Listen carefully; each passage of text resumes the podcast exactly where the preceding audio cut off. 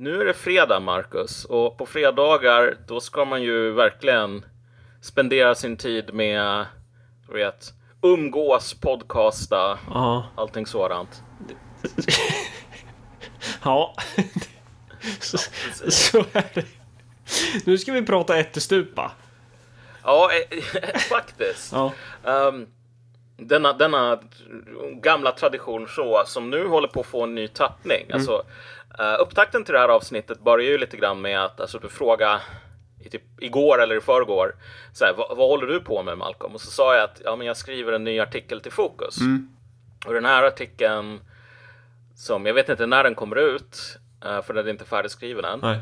Men den kommer att handla om Men vadå? eh, Jag, aktiv dödshjälp. jag, trodde att jag, jag trodde att jag sa skriv klart den där texten och sen poddar vi. Så- Men då är du Ja, inte klar. den, men... den, nej, den är inte helt klar. Men Nej, liksom, nej, nej, nej. Ja. Jag, jag, men- jag, testade konceptet en sak i taget. ja, jo, jo, men precis. Men alltså, jag tänkte också så här att det, det är lika bra att, att vi kör det här nu. Ja. Ehm, och sen så möjligtvis så kommer min gode vän Marcus Allard att komma på någonting jättesmart som jag kan inkludera i. Ja, det är smart. Det är bra. Eh, jobbigt om jag inte kommer på något och... Men, Ja, nej men precis. men, men eh, ja, okej, men du skriver en text om dödshjälp i alla fall. Ja, precis. Alltså så här, aktiv dödshjälp har ju varit en, en diskussion av och till i olika välfärdsländer i väst. Ehm, och normalt sett så har det ju varit så här att Alltså vet, vi tillåter väl inte det här i Sverige ehm, än så länge. Eh, men det har varit lite olika försök att liksom legalisera det här, ta upp det på, få upp det på debatten och så vidare. Eh, och fler och fler länder i väst börjar nu erbjuda någon form av aktiv dödshjälp. Den intressanta saken här är ju att för inte så himla länge sedan, liksom om vi tänker oss så här 00-talet, 10-talet, då var det ju här en, en 100% en etisk fråga snarare än en, en hur ska man säga, en, en krasst praktisk Ja, fråga. hade du någon liknande i gymnasiet? Jag hade en kurs som var jätteflummig som, som hette människosyn och livsfrågor. Ja. Eh, ha- hade du också något sånt där? Nej, det hade jag inte, men jag känner igen alltså, Konceptet? Ja, precis. Alltså, det var sådana saker man diskuterar på filosofin till exempel. Ja, eh, men på Tullingeskolan så sa man inte filosofi, utan då sa man... Ja, ja, precis. Ja, exakt. Det är ju typiskt som filosofiskt spörsmål. Och så ska, och så ska man dela upp den här klassen i, i två grupper och, och så är det typ så här dåtidens skitjobbiga version av Marcus Allard som tycker det här är intressant och sen någon mer som tycker det är intressant och de, de flesta vill bara gå hem och supa skallen av sig typ. Ja. Eh, och, så, och så tvingas man motvilligt ta ställning i frågor som är sjukt... Ja, men för de flesta kanske det är ganska abstrakta grejer. Som till Ja. exempel, eh, ja, men ska, ska vi ha dödshjälp? Och, och det, ja, men exakt. och, och, och jag menar att, att prata om det och jag vet inte riktigt hur, hur länge det har varit en hot issue, men det känns ju som att det mest bara har varit en sån här nu ska vi ha filosofi för filosofins skull. Eh, Ja, men- är det ja, men etiskt- ungefär. Ja, är det etiskt korrekt med dödshjälp? Men på, på sistone så har man ju, alltså, kommer du ihåg han Björn Nattiko? Eh, Nej. han, men han var typ, eh, nu kanske inte jag ger honom rättvisa, men han, han var typ munk eh, och har ju blivit, eh, blev ju känd i Sverige. Han, han eh, kommer inte ihåg vad hans sjukdom var, men han, han fick dödshjälp. Och Mm. han hade någon så här, ja men det var väl bara ett enda jävla lidande liksom. Och det är ju den typen av exempel man har hört talas om. Och i hans fall så tycker jag så här, men det var väl bara rätt att han fick hjälp. Så, Ja, ifall han lider exakt. typ. Eh, min flickvän läste hans bok och tyckte typ att ja, det här är typ världens bästa människa, typ. Hon pratade om Ja. Och, och jag kan ju säga så här att när det gäller den här filosofi, den aspekten här. Ja. Man ska balansera, om vi tänker oss det, det klassiska exemplet har ju varit så här. En väldigt, en väldigt gammal människa, ofta, dödssjuk. Ja. Den kombon. I vissa fall bara dödssjuk. Men det är så här, okej. Du har cancer, du har två veckor kvar att leda, leva. eh, Under vilka du inte kommer att kunna svälja, inte kommer att kunna andas. Liksom Bara, sådär. det, kommer bara vara ett fruktansvärt mörker, lidande, tortyr alltså. Ja, och då liksom så här, okej, men varför kan man inte bara göra slut på det ungefär? Mm. Alltså varför ska man ha en medicinsk intervention vars enda syfte är att se till så att liksom, du kan lida en två veckor längre. Liksom. Det är ju inte som om livet är på väg någonstans där. Ja, eller kanske inte Eh. ens en medicinsk intervention, utan bara så här. Du får ligga där i, som, som Weiron i ottan säger, som en mjälte i din egen avföring. Ja. Eh, Och, och när det gäller den frågan, jag har ingen, jag har egentligen inte någon åsikt där, i alla fall inte någon stark sådan. Jag känner väl liksom så här, bara slentrianmässigt att ja, men i sådana sådana här extrema fall, fine, alltså varför inte? ja. Um, därför att många gånger så kommer ju lösningen bli att så den här personen tar livet av sig eller ber sina liksom, vänner att göra det, sin familj, och så hamnar man i någon jävla limbo liksom. Men det intressanta med dödshjälp, och det här är det som fick mig att skriva den här artikeln, eh, Ehm, det är att vi håller på att lämna bakom oss den här liksom, filosofifrågan på gymnasiets filosofikurs nu. Eller den här ganska marginella frågan vars enda intressenter är folk på hospice, folk som är dödssjuka eller dödssjuka och äldre. Um, Därför att om du tänker dig, det har varit ganska mycket kontrovers i framförallt i Kanada som har gått längst. Därför att i Kanada så har Eh, så legaliserade man aktiv dödshjälp just för den här klassiska klientelen så att säga. Och över tid, och det var inte så himla länge sedan man legaliserade, det var på 10-talet, men över tid så har kriterierna glidit väldigt markant med vilka som kan söka det här. Um, så att från början så var det alltså människor som är, ja men de har några veckor kvar att leva, någon månad kvar att leva, livet är smärta liksom. Till pensionärer, i, i, liksom, i värsta fall nu så är det så att om du är pensionär och pensionen inte räcker till, då kanske du behöver fundera lite grann på aktiv dödshjälp. Om du har någon form av sjukdom och typ sjukhus, eh, det är inte så att du, du kommer att dö, men, men det är en dyr sjukdom. Ja, det kanske är dags för dig att dö. Ehm, och i ett fall så var det alltså en det rörde sig om en, en, en kille i 20-årsåldern, alltså han var typ 24-26 någonstans däremellan.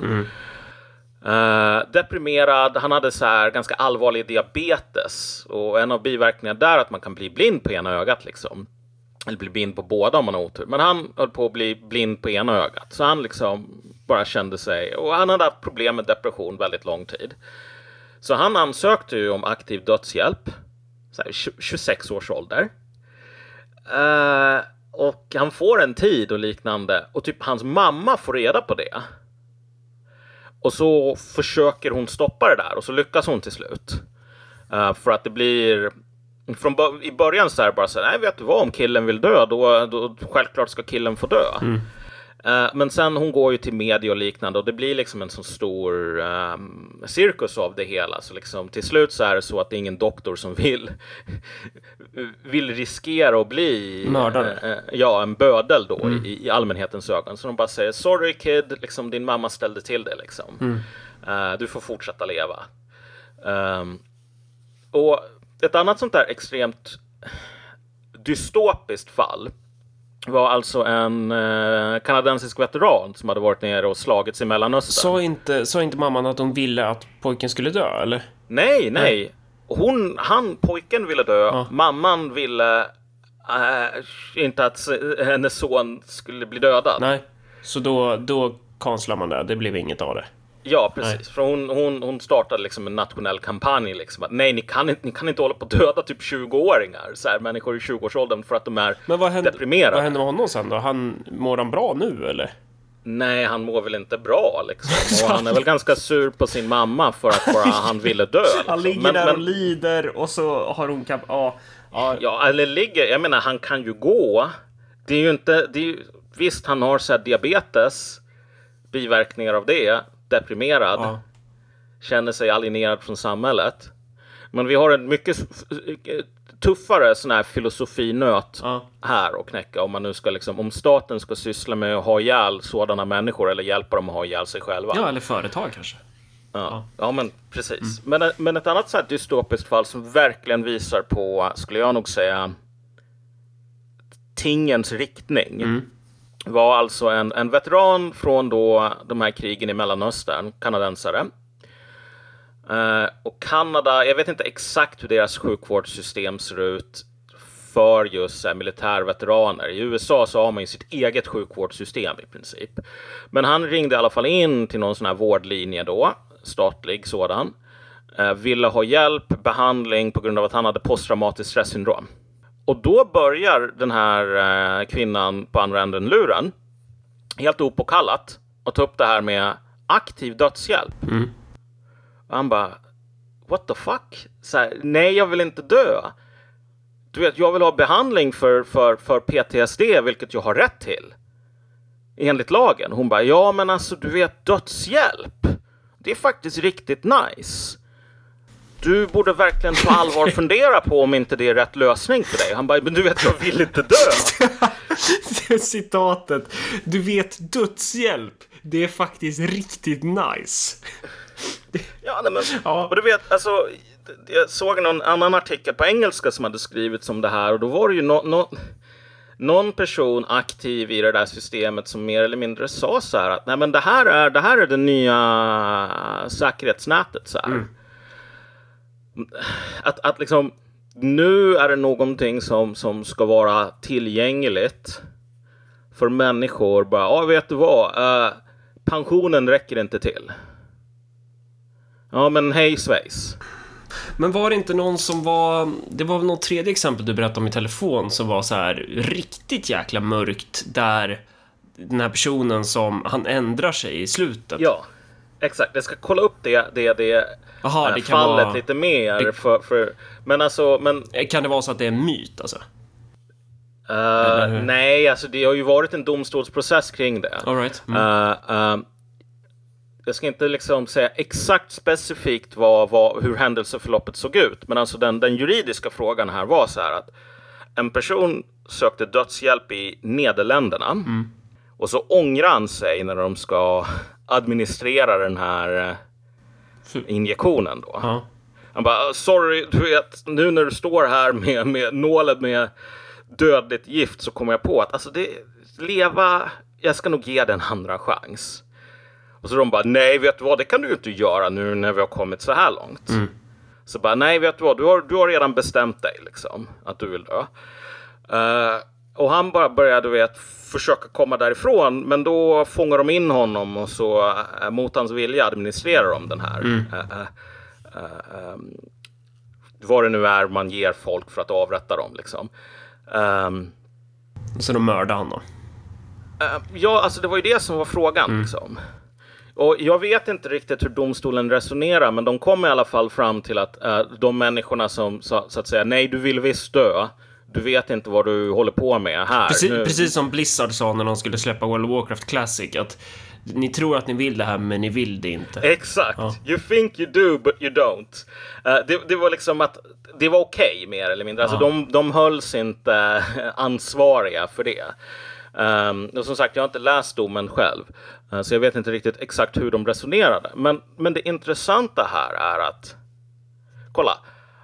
Även om det här fallet som vi talar om nu. vi, säger att det var helt påhittat det, här- det är ju så otroligt tydligt att sekunden som du börjar säga så här att du behöver massor med dyr vård som du ska ha av, av staten. Wow, du, du, du klarar inte på din pension. Du du vill att vi ska hålla på och försöka behandla dig för depression. Vet du hur, hur mycket det kostar? Hur mycket tid det tar? Ja, och, det, det är ju det här som blir intressant för att för man kan ju tycka, eller jag tycker att om, om du lider så inåt helvete, så, så som många, många exempel som man har talas om, människor som, ja men, deras tillvaro är ju ren tortyr. Självklart borde man ju kunna bistå dem då med en, ja, så att säga en nådastöt som man hjälper Ja. dem att avsluta sitt liv. Om de vill det. Ehm, men, men det, det obehagliga som med alla såna här liksom filosofiska spörsmål som eh, man har pratat om på de här eh, A-kursen på gymnasiet typ. Det är så här, prostitution är ju liknande också, men ändå inte. Men att du vet, så här, så här, prostitutionsdebatten, det är typ så här. Ena sidan står och pratar om Ja, men kolla, här har vi så här trafficking eh, kvinnor från Östeuropa som har lurats hit. De är så här heroinberoende, misär. De tvingas sälja sex typ. Eh, och sen så står den andra sidan och säger ja, ja, men, ja, jo, men det där är bara ett undantag. Eh, eh, de allra flesta vill göra, eller så här, eh, det, det finns också kvinnor som är helt självständiga. Eh, de gör det här på egen hand för de tycker att så här, ja, men vadå, jag kan väl lika gärna sälja min kropp sexuellt som att jag står och säljer min kropp i fabriken mm. till någon jävla kapitalist. Jag blir ju lika alienerad där, typ. Och sen så, och så menar ju de då, ja men det här med liksom utnyttjande av eh, personer som har via trafficking eh, tvingats hit. Eh, där kan vi komma åt genom att legalisera. Eh, men hur man än vänder och vrider på det så blir det ju så här att de här frågorna ska ju pressas igenom en, en samhällelig verklighet som präglas av en rad olika intressen. Eh, ja. Som alltid vill, vill vrida eh, de här frågorna till sin egen vinning. Eh, och det jag tänker när det gäller då dödshjälp är så här att eh, om man ska ha det legalt eh, i, termer, i syftet att, att liksom eh, ge nåd eller hjälpa människor som, som, som lider som fan, då måste man verkligen se till så att det inte eh, ja, men så att det inte missbrukas utifrån ett annat syfte. Och det andra syftet skulle då kunna vara dels företag som tillåts in i den här industrin och helt enkelt tjäna pengar på att ha ihjäl folk och ju, fler de har ihjäl desto fler kan de fakturera.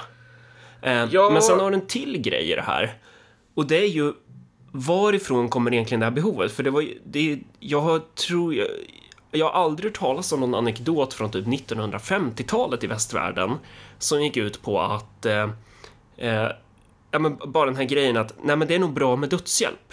Alltså det hade ju varit en absurd företeelse i ett läge då man precis har genomgått det andra stora världskriget. Mm. Eh, kanske har det att göra med att man upplever att arbetskraften är eh, ja, ja, det finns ett överflöd av arbetare. Det finns ett överflöd av, av människor. Vi, vi har ju pratat om det här tidigare gällande typ klasskamp och eh, vad ska man säga, möjligheter att eh, ja, men bedriva strejker och sånt där. Eh, det, det, är ju mycket lättare att göra i ett läge då det finns ett behov på arbetare. Eh, ja. Men i ett läge då, bara så här, åh nej, eh, bara den meningen så här, vi, vi är för många, vi är för många arbetare, vi, vi, vi, vi måste ta bort en andel av arbetskraften. Det, det, finns ju någon liknande, någon liknande parallell som man kan dra då till det här med, ja nej men du är sjuk och eländig, du är bara en börda typ. Ja men exakt, alltså, och då, det är ju inte nödvändigtvis att de människorna är en, en del av arbetskraften. Nej. I många fall så kanske de kan bli det om de inte är för gamla och då har de rätt till pension, i alla fall i teorin. Så har, har de blivit utlovade det. Uh, men, men, men så här, snarare än att jag tror att det finns massor med företag som håller på och saliverar för att de ska ha ihjäl folk. Mm. Så du vet i Kanada så talar man öppet om det här som du vet dödshjälp kommer och spara pengar. Jo, men, men det är också det här med företag som saliverar. Eh, alltså, vad ska man säga? Ehm, du, eh, du har sett sådana här videos på någon som ska typ göra en teckning och så har han, eller hon, kan man hon också, mm. eh, typ en timme på sig eh, och sen 30 minuter på sig och sen en minut på sig. Och så jämför man, eller ibland är det kanske kortare spann, men typ 10 minuter, 5 minuter, 1 minut och så ska man försöka avbilda en teckning.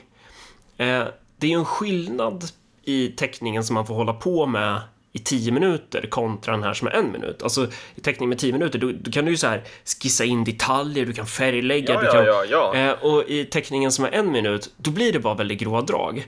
Och om, om vi utgår från en minutsteckningen i det här exemplet här nu, så är det ju alltså att det, det mest grundläggande här, det är att konstatera att företag med ett vinstintresse kommer ju såklart missbruka det här, men precis som du är inne på så allting är ju mycket mer komplext och, och ja. det är någonting man verkligen ska titta på om man ska titta i den här 10 minuters teckningen då. Då kommer du se linjer som avslöjar något annat fenomen som är väldigt vanligt förekommande i Sverige idag och jag antar i alla andra länder. Och det är ju den här genvägsmentaliteten ja. som präglar byråkratin. Att all, allting ska ha en jävla quick fix hela tiden. Så att, så att det är ju Fan och hålla på, du vet så här, fråga läkare inom vården idag om du är politiker bara. Ja, eh, vad kostar mest pengar? Och de här kommer ju liksom trött suckandes svara. Ja, det är ju den palliativa vården. Det, den är så jävla dyr. Fan, varför ska vi hålla på och hålla liv i någon, någon som ändå ska dö? Citatet någon som ändå ska dö. Alltså, och, och, och, och fri, om du släpper fri det där eh, och, och låter då byråkrater operera på det där då kan du ju mycket väl, i och för sig det kan ju gå åt två håll. Det ena hållet blir ju då att man kanske då bara så här, ja fast det här kostar ju pengar. Gör slut på skiten och sen är det klart. Å andra sidan kanske byråkrater på ett annat sätt utifrån en annan incitamentstruktur kanske tänker att ja, eh, vi tjänar pengar på att hålla liv i det här för att det genererar taxpengar beroende på hur belöningsstrukturen Ja. ser ut. Men, men poängen är liksom att, att det här eh, management eh, chefsbyråkratsskiktet kanske spelar större roll än vad kapitalisterna gör. Ja, men precis. Jo, jag tror att man måste i den här diskussionen ganska lägga privata intressen åt sidan ganska mycket. Därför att om vi tänker oss, du, det är ju inte som att Alltså varifrån kommer deras vinst att komma ifrån? Alltså det är ju inte så att man kommer att få äga liksom, vad heter det nu, dödsboet hos dem man har igen. Ja, det beror väl på hur juridiken är utformad. Det skulle mycket väl kunna Ja. vara en affärsidé att så här, eh, donera eh, 10% av, ditt, eh, av, dina, av din egendom till oss, resten får familjen och, och sen så hjälper vi dig att få slut på lidandet. Ja, alltså, jo, så skulle det ju kunna vara i och för sig. Jag menar, det vore ju verkligen Black Mirror. Men, alltså, Ja. men, men om vi tänker oss bara så här att det här är inte någonting som bara, vet du vad, själva dödandet är inte, hur ska man säga, en värdeskapande process. Eh, utan det är ju i slutändan anledningen till att det finns människor som är intresserade av att hålla på, i, i teorin hålla på att döda folk. Det är ju för att om de lever, då är de dyra. Ja, men då blir det ju per definition en värdeskapande proce- process, eller? Alltså om, om, om, om du... Ja, inte för privata företag om inte de tar på sig. Om, det är ju inte liksom som att det är de privata företagen som, som står där och bara "Ah, det jag måste betala pension åt faster Agda. Mm. Utan det är ju framförallt statliga staten som har lovat uh, massor med dyra människor och massor med saker för att de har betalat skatt hela tiden. Jo, ja, jo, men precis. Men, men utifrån perspektivet vem betalar för den här personen? Så är det ju, det är Ja. någon som har en pensions... Eh, eh, välfärden kostar pengar och så vidare.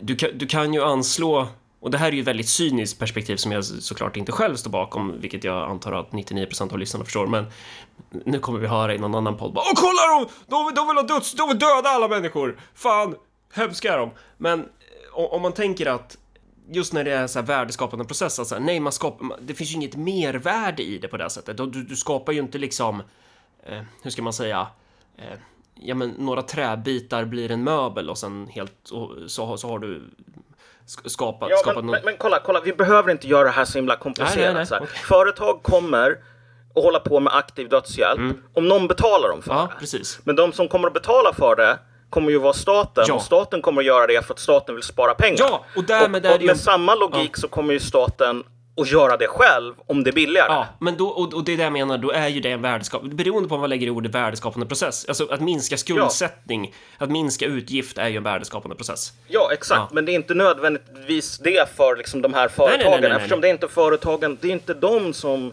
så att säga har lovat att betala pension. Nej, precis. Och de, de kan ju inte hitta på det utanför staten, så att säga. Ja. Det. Och det, och, och det här är liksom det, det, det stora problemet här som, som är verkligen den, alltså den, eller den faran som ligger i framtiden här. Alltså att när folk börjar säga så här att vet du vad, aktiv dödshjälp, det handlar om, och, och i Kanada håller man på och snackar om att det här är f- liksom individuell autonomi. Det här är liksom, du vet, vi började med att avskaffa slaveriet, ge kvinnor rösträtt, liksom ge hbtq-människor eh, eh, jämlika rättigheter. Och nu har vi äntligen kommit till dödshjälp, som är nästa steget i den här kampen för befrielse. För alla som vill ha det kommer nu kunna dö.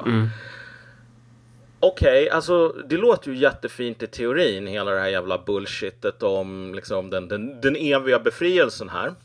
Men, men rent konkret, när du har folk som säger att det här kommer att spara pengar. Då kommer, om, om det är det som får politiker att säga fan det här kanske är ganska bra. Ja men då kommer pengasparandet att bli logiken som, som flödar igenom det här. Men det är inte ens Men det är inte ens hela problemet. Därför att så här Pengasparande Alltså det får en att tänka på, du vet, du går och handlar en falukorv och så ska du ha Scans, men så ser du att Littells är 10% dyrare för att det, eller billigare för att det är rea och så väljer du den. Okej, då har du sparat pengar. I det här fallet så är det så att om du tänker dig våra samhällen står inför ett enormt, liksom, en, en dolkstöt i ryggen på väldigt många människor. Och folk, de river sitt hår över hur de ska få in den här dolken mellan skulderbladet på sina offer utan att de skriker för mycket eller att de här människorna hamnar i fängelse för mord efteråt. Och med det menar jag bara så här att du tar det här stora dramat i, i, i Storbritannien som nu har fått Liz Truss att avgå. Så. Alltså, hela den, hela den processen, väldigt kortfattat, var att hon föreslog en budget som fick eh, här, den internationella marknaden att börja darra på manschetten för det var så här, stora skattesänkningar plus eh, liksom massor med så subventioner. Så de tänkte, fan staten kommer inte kunna betala det här. Och vad som hände då, det var att alltså statens möjligheter att låna pengar via att utge sådana här statsobligationer eh, kraschade. Och då hade du ett enormt problem helt plötsligt. Alltså så att, att den brittiska staten inte kan låna pengar, ja det, det är ett stort problem. Men det som hände sen var att det visade sig att så här, alla brittiska pensionsfonder, de hade typ investerat på marknaden med marginal. Det vill säga att du så här lånar pengar. Du har 100 kronor. Och så, så säger du, ja jag har 100 kronor. Kan någon låna mig 900 kronor liksom? För att jag, jag visar att Alltså de hade, de hade jobbat med hävstång alltså. De hade jobbat med hävstång, precis. Eh, och den, när man jobbar med hävstång, då behöver man, för att man ska kunna låna pengar till den här hävstången, då behöver man ha någon form av eget kapital. Egna tillgångar. Och då var det just de här statsobligationerna Ja, just det.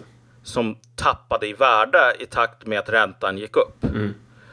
Och helt plötsligt så kom folk och bara sa så här, vet du vad? Eh, den här hävstången den funkar inte längre. Ni ligger alltså under den marginalen ni måste ligga. Så liksom eh, betala. Och då visade det sig att de här jävla pensionsfonderna var insolventa. Så de typ gick runt och har lånat pengar av så här för privata företag och liknande. För att de har inte nog med cash för att täcka marginalerna. Och det är liksom en öppen hemlighet vid det här laget nu. Att så här, folk i din och min ålder, du vet, tror man att pensionssystemet kommer att vara kvar i nuvarande form, när du och jag ska gå i pension, jag menar, då är man så dum så att klockorna stannar. Därför att folk som jobbar innanför det systemet säger bara, du vet, nej, det finns inte, det finns inte på kartan. Och, och, och för att återgå till den här ehm, skissen då, så att, så att det, det, det, det man verkligen ska lägga märke till här och som kanske då är det farliga, det är då alltså de statliga incitamenten. Ja, Men det baserar sig ju på vilken typ av klassstruktur eller politisk styrning som staten har såklart. Ja, ja, ja. Alltså, så här, om staten bestämmer sig för att så här... Och, och, och just det här pratet om egen autonomi och liknande är så jävla förrädiskt. Alltså, du kan antingen säga att en pensionär som inte har råd med mat längre på grund av att pensionen inte räcker till har blivit förrådd av sitt samhälle och att hennes egendom här, hennes pension har blivit stulen ifrån henne. Eller så kan du säga att staten har gett henne möjligheten att bestämma helt själv hur hon vill att sitt liv ska se ut. Hon kan äta, bark, koka barkbröd eller liksom göra det, eh, koka soppa på spik. Eller så kan hon dö. Henne, hon har fått enorma valmöjligheter som ingen tidigare generation hade. Där, och där då argumentet är då att, att dödshjälpen skulle vara för henne då, Ja. inte för alla, utan för henne då, skulle vara en sån otrolig frihetsreform då. För Ja. att hon, hon är ju en vuxen individ och hon måste kunna välja själv att få dö. Ja. Helt plötsligt så har valet att fortsätta leva med en jävla pension som man har betalat skatt för hela livet, som nu är borta. Äh, Det är, det är valet att fortsätta leva, det är borta. Nu är det så här, du kan svälta ihjäl så kan vi döda dig. Och, och som sagt, återigen, folk hoppas att det här är det sättet som man kan trycka in den här jävla dolken mellan skulderbladet och så kommer folk bara, oh wow, tack så mycket för att du befriade Och när mig. du säger folk hoppas, då menar du alltså vissa eh, eventuella... Är, är det en så medveten drift då? Är det inte mer att det här är det, som, som det ofta är i samma... Alltså, så här, i enminutsskissen, marxismens enminutsskiss är ju alltid så här, kapitalisten har en, nästan en personlig agenda att göra X eller Y, eller typ så här, den här byråkraten har en personlig agenda, alltså klassintressen talar ju genom, alltså det, det är mer o, ibland kan det vara mer omedvetet som, som materiella incitament kommer till uttryck.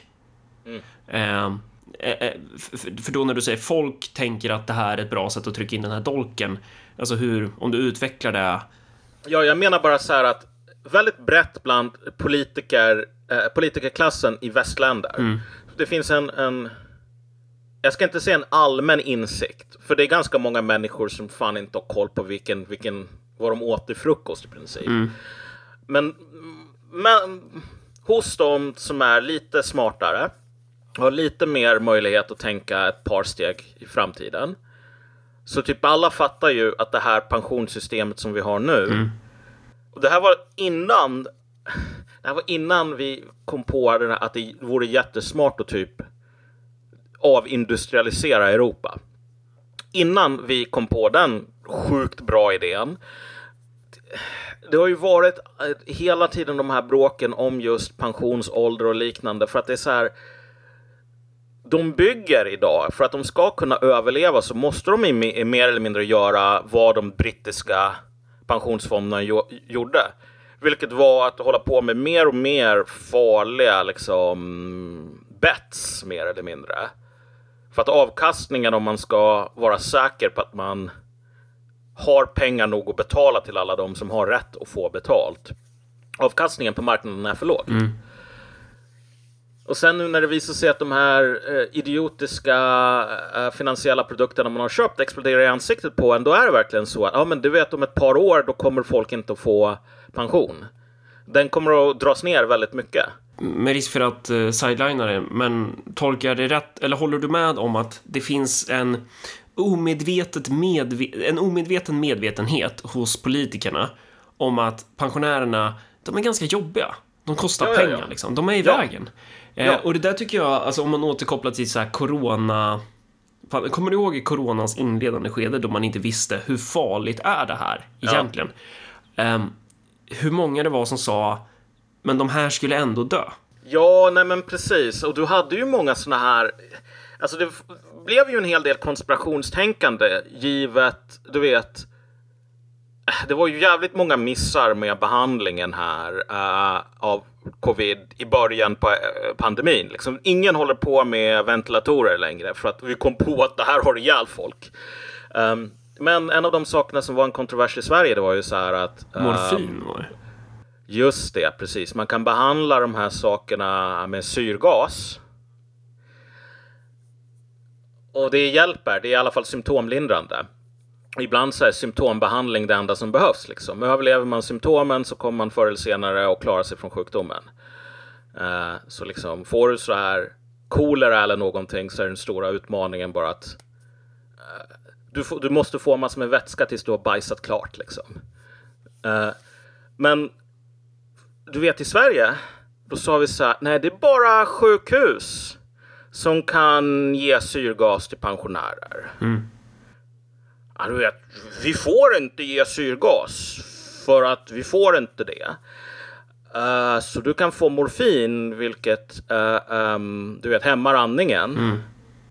Och så bara hoppsan, vi kom just på att om du har andningsnöd och vi, vi, vi ger dig morfin, då kvävs du. Ja, men vi kan ju inte sluta med det bara för mm. att liksom, nu när vi väl har börjat. Och, och, och jag vill bara säga så här att kolla, folk vissa människor sa ju att det här är någon jävla konspiration bara för att döda pensionärer för att vi inte har råd med pensionen. Mm. Och det var det nog antagligen inte, hoppas jag verkligen. Men den här sortens, bara oj då, det här har ihjäl pensionärer. Ja, ska vi sluta med det? Ja, vi behöver inte, vi skyndar lite långsamt. Alltså den, den sortens, liksom när man drar sig med fötterna visar ju att man inte tycker att det här är så jävla Exakt, viktigt. och där talar ju någon form av omedvetet intresse. Eh, ja. och, och så här, hur ska man säga? Det jag upplever gällande äldreomsorgen på kommunal nivå är ju att politiker och högre tjänstemän, och det såg man inte minst under pandemin, men det ser man varje dag hela tiden, och det, det gäller väl väldigt många delar av den kommunala och regionala förvaltningen eller offentlig sektor överlag. De ledande personerna, de som ska ha ansvar, de är mer intresserade av bilden utåt av verksamheten än av själva verksamheten.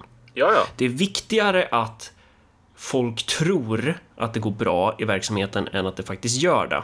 Och då har du skeva incitamentstrukturer som gör att eh, politiker som sitter och tänker väldigt kortsiktigt, de är överhuvudtaget inte intresserade av att förbättra för tant Agda. Ehm, utan de är intresserade av att höra eh, guld och gröna skogar eh, från förvaltningscheferna. Politikerna kommer hålla sig på avstånd. De kommer nöja sig med informationsärenden, powerpoint-dragningar, ehm, och, och eh, liksom narrativ om att allting går bra. Och sen om det då kommer någon oppositionell skitjobbig skrikig lokal populist och säger Men vad fan, era anställda kan ju inte ens svenska. Ni, ni, ni droppar superlim i ögonen på gamlingar för att eh, de här anställda inte vet skillnaden på ögondroppar och superlim.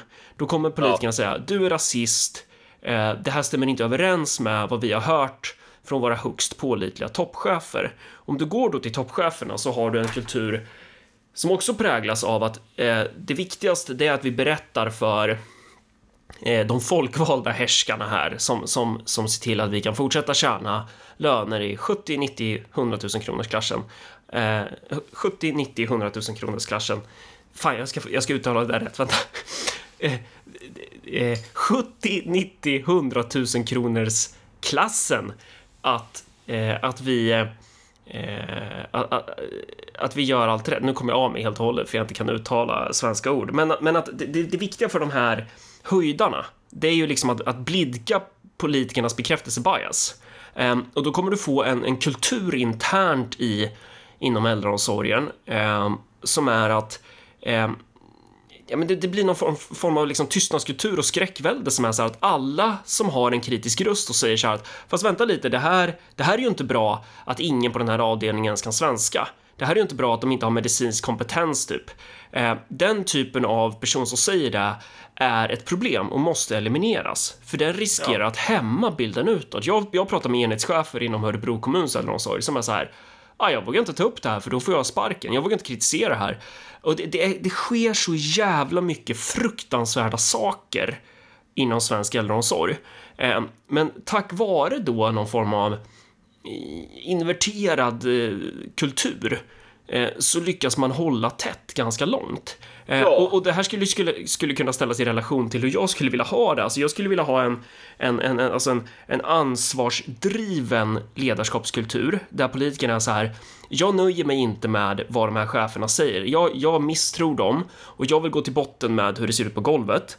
Jag vill kunna namnet på varenda jävla gamling vi har i äldreomsorgen. Om inte jag kan namnet, då ska jag se till att de jag har under mig kan namnen på de här. Vi ska känna de här människorna, vi ska liksom behandla dem utifrån någon form av inte som så här förvarings, så här jobbigt uppdrag att administrera innan man ska vidare till nästa, innan man liksom vecklar ut sin politikerfallskärm och glider vidare till nästa uppdrag, vad det nu än må vara, utan det här är ett ändamål i sig själv.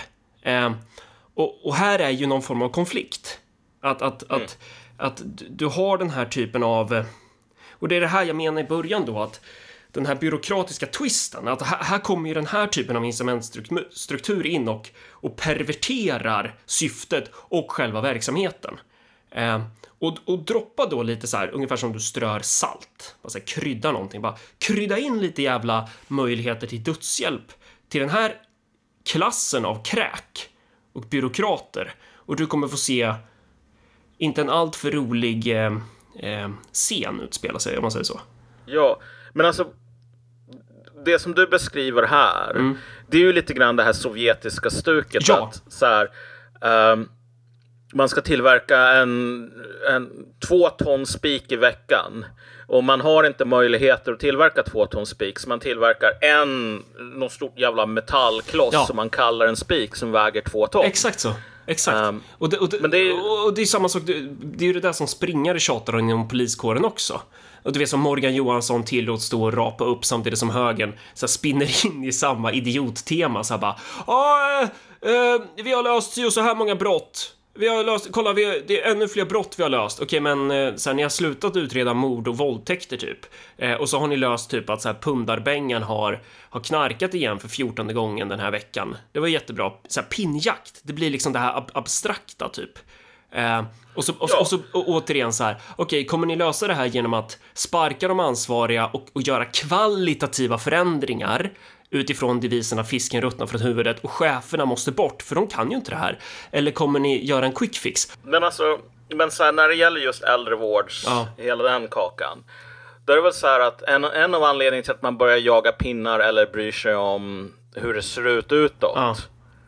Är för att man helt enkelt har gett upp när det gäller själva problemet. Och jag menar, i det här fallet så är det så att vi, vi, vi kan se på omvärlden, vi kan se på vad som sker i ekonomin nu och bara ah, det är fan inte konstigt att de ger upp, ärligt talat. Så här, eh, om du har, om du har en, eh, ett pensionssystem där den ekonomiska modellen, alla liksom insåg att det här är typ ett, ett ponzi, liksom ett pyramidspel eh, som du hela tiden måste få in fler och fler losers i, i, i, om du inte har tillräckligt mycket ekonomisk tillväxt, vilket vi inte har haft. Um, och vi får inte in det. Och de som vi tänkte skulle, skulle lösa det här, invandrare, typ de kostar staten mer pengar än vad de lägger in. Och så helt plötsligt så bestämmer sig alla för att bara, vet du vad, vi behöver ingen industri i Europa. Det här med el, energi, vem fan bryr sig liksom? Alltså, kolla, svart på vitt.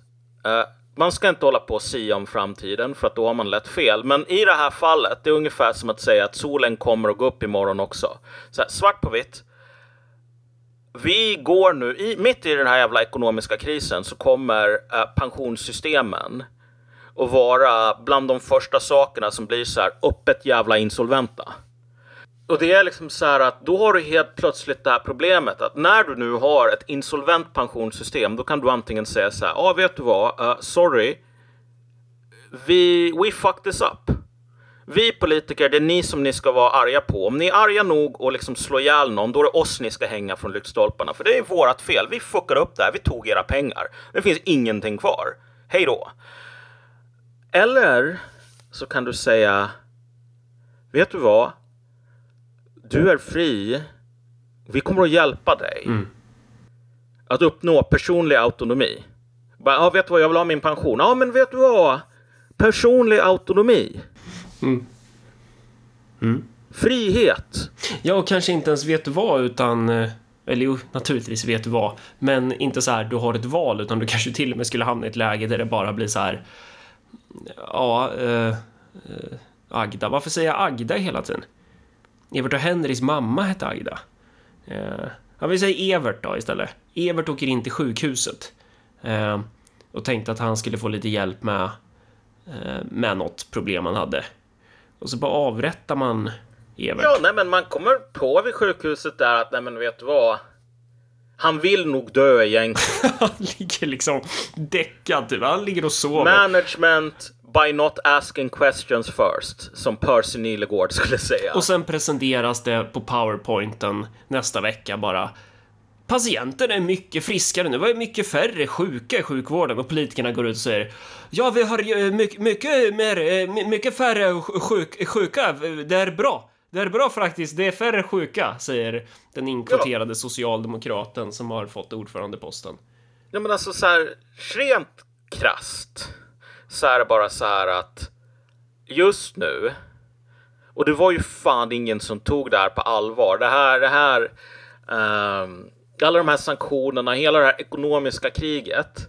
Det var verkligen första världskriget där. Man är tillbaks innan julafton. Det kommer att bli kort och billigt och allting kommer att bli så jävla bra. Det var ju absolut ingen vid början av första världskriget som räknade med det här kommer att ta fyra år och det kommer att totalt krossa alla europeiska imperier. Liksom. Var, ja, nej.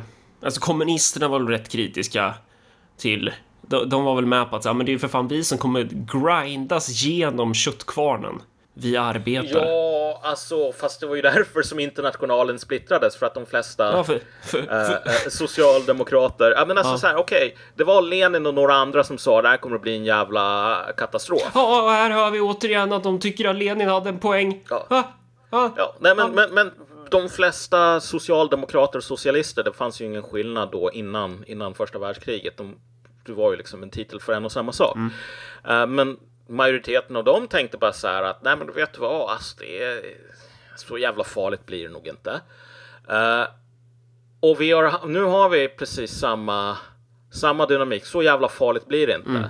Och sen ett halvår efter uh, att du vet Ryssland skulle kollapsa och vi skulle få all energi. Vi skulle kunna luta landet igen som på 90-talet liksom. Vi blir så jävla rika. Nu håller vi nu på att diskutera att uh, nummer ett det kommer typ vara så här rolling blackouts mitt, i mitten på vintern när det är som kallast. Sorry, mobilerna, mobilerna kommer inte att funka längre för vi måste slå av de här eh, telefontornen och du kommer inte ha någon uppvärmning. Och by the way, den pensionsfonden som skulle betala din pension som inte skulle räcka till mat antagligen eftersom du vet inflationen kommer att äta upp allt det där. Um, men den har gått i konkurs och du behöver inte längre vara orolig för om din pension ska räcka till mat eller, eller inte, för nu får du ingen pension. Mm. Alltså du vet så här. Den intressanta, du vet om du tänker dig så här när man, när man växer upp. I början när man, är, när man är liten, då är liksom vuxna människor, de är allsmäktiga. Mm. Och sen när man blir lite äldre då inser man att nej men vet du vad, alltså så här, min pappa är inte en kosmisk kraft. Utan han är en människa med styrkor och svagheter. Mm.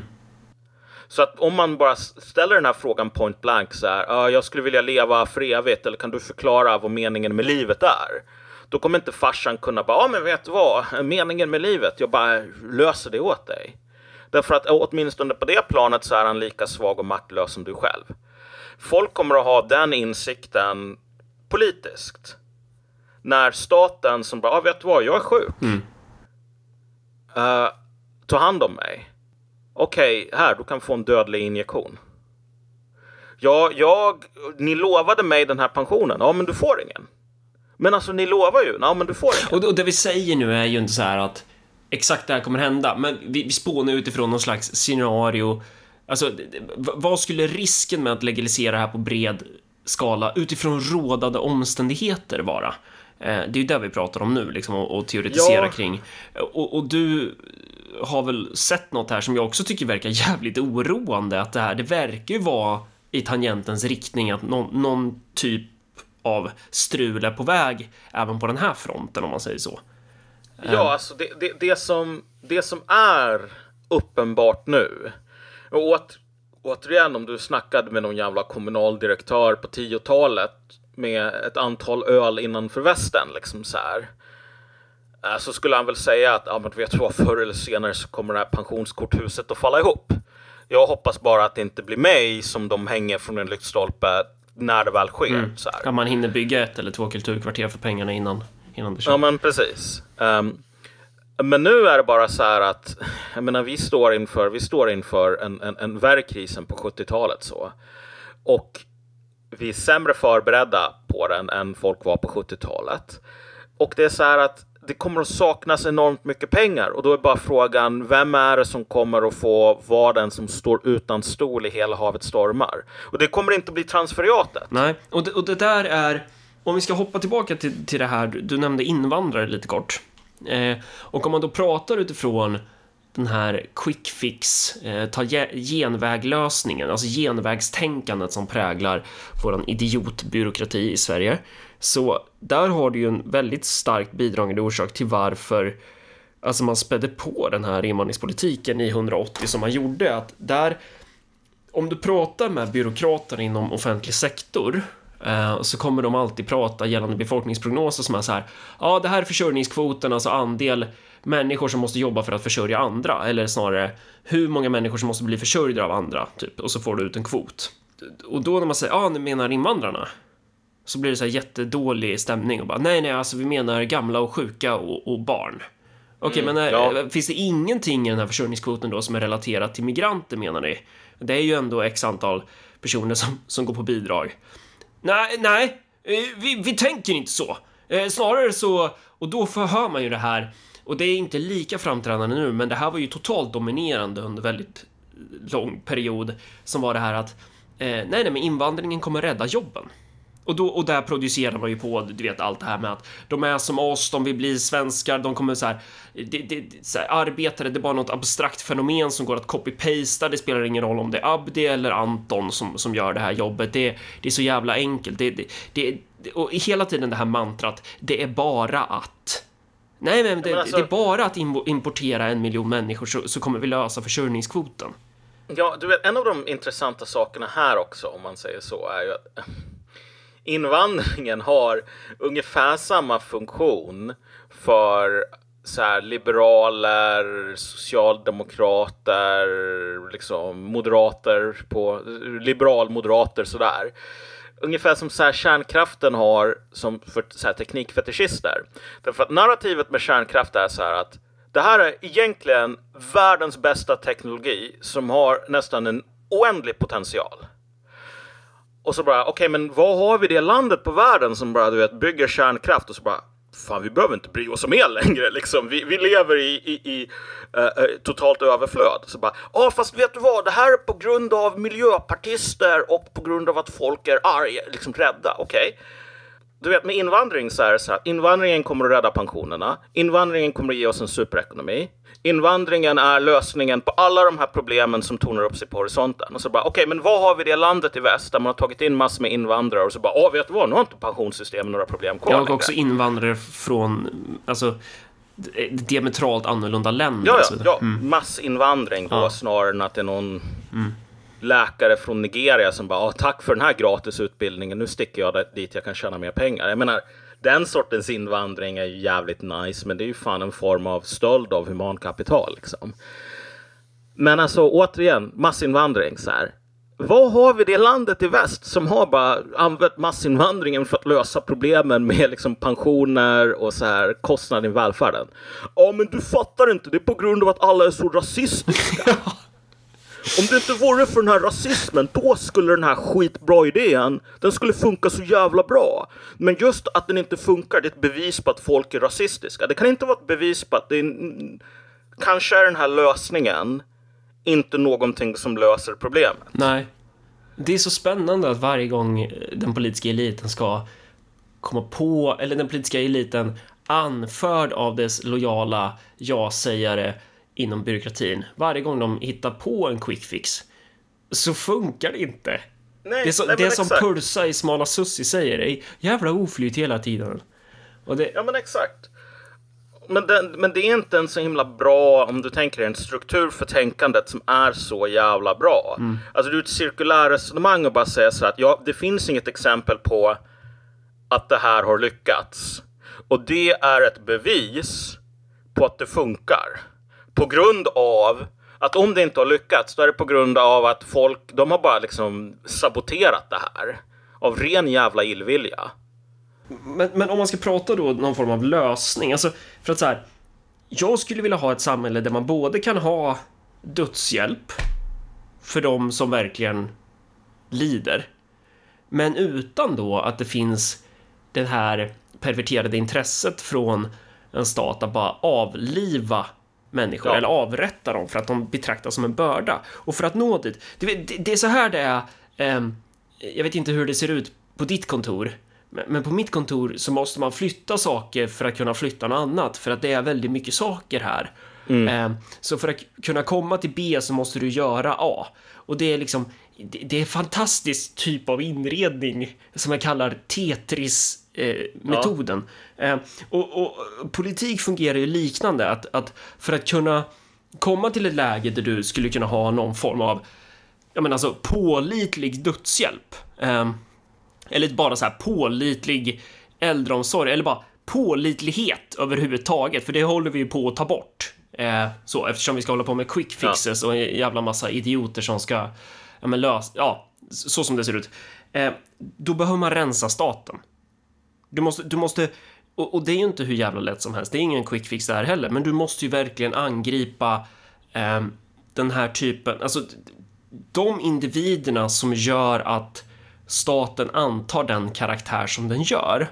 det i sig gör ju å andra sidan inte att bara så här, vi kan trolla fram en massa pensioner, men först då kan du börja ställa om och börja bygga en annan ekonomisk modell som faktiskt skulle kunna tillåta pensioner. Så man inte liksom gör misstaget att på grund av de här specifika förutsättningarna nu med den specifika statsbyråkratin och den specifika klasskaraktären i staten så kan man inte ha eh, dödshjälp, fungerande äldreomsorg, pensioner och så vidare och så vidare. Utan det här, man, man ska ju komma ihåg att de här grejerna hänger ju ihop med den typen av politisk elit som vi har.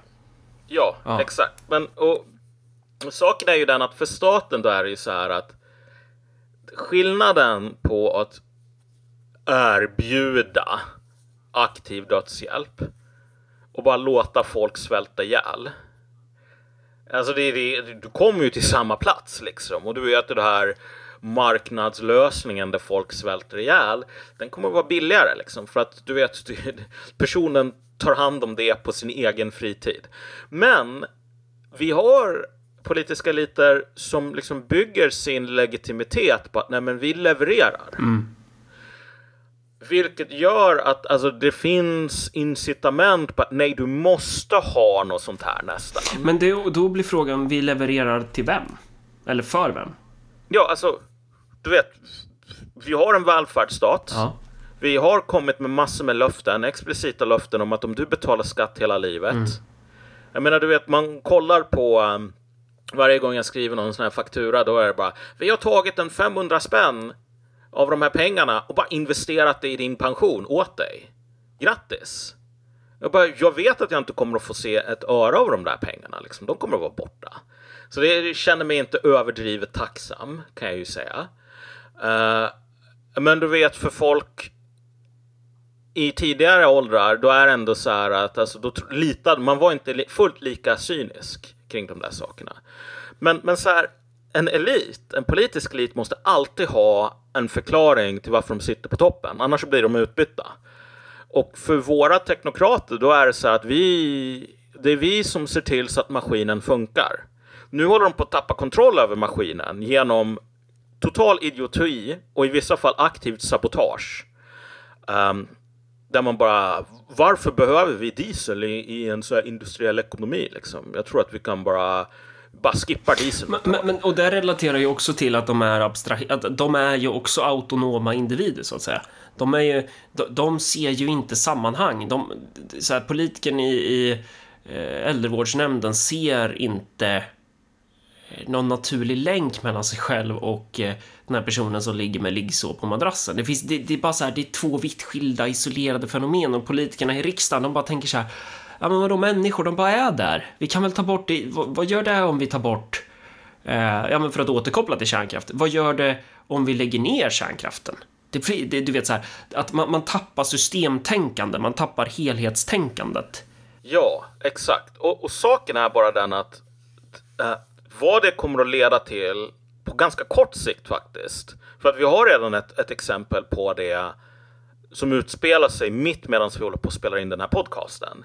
Alltså, den brittiska, alltså 2019, det konservativa partiet i Storbritannien, de såg fan ut som en jävla framtids, liksom. De såg ganska starka ut.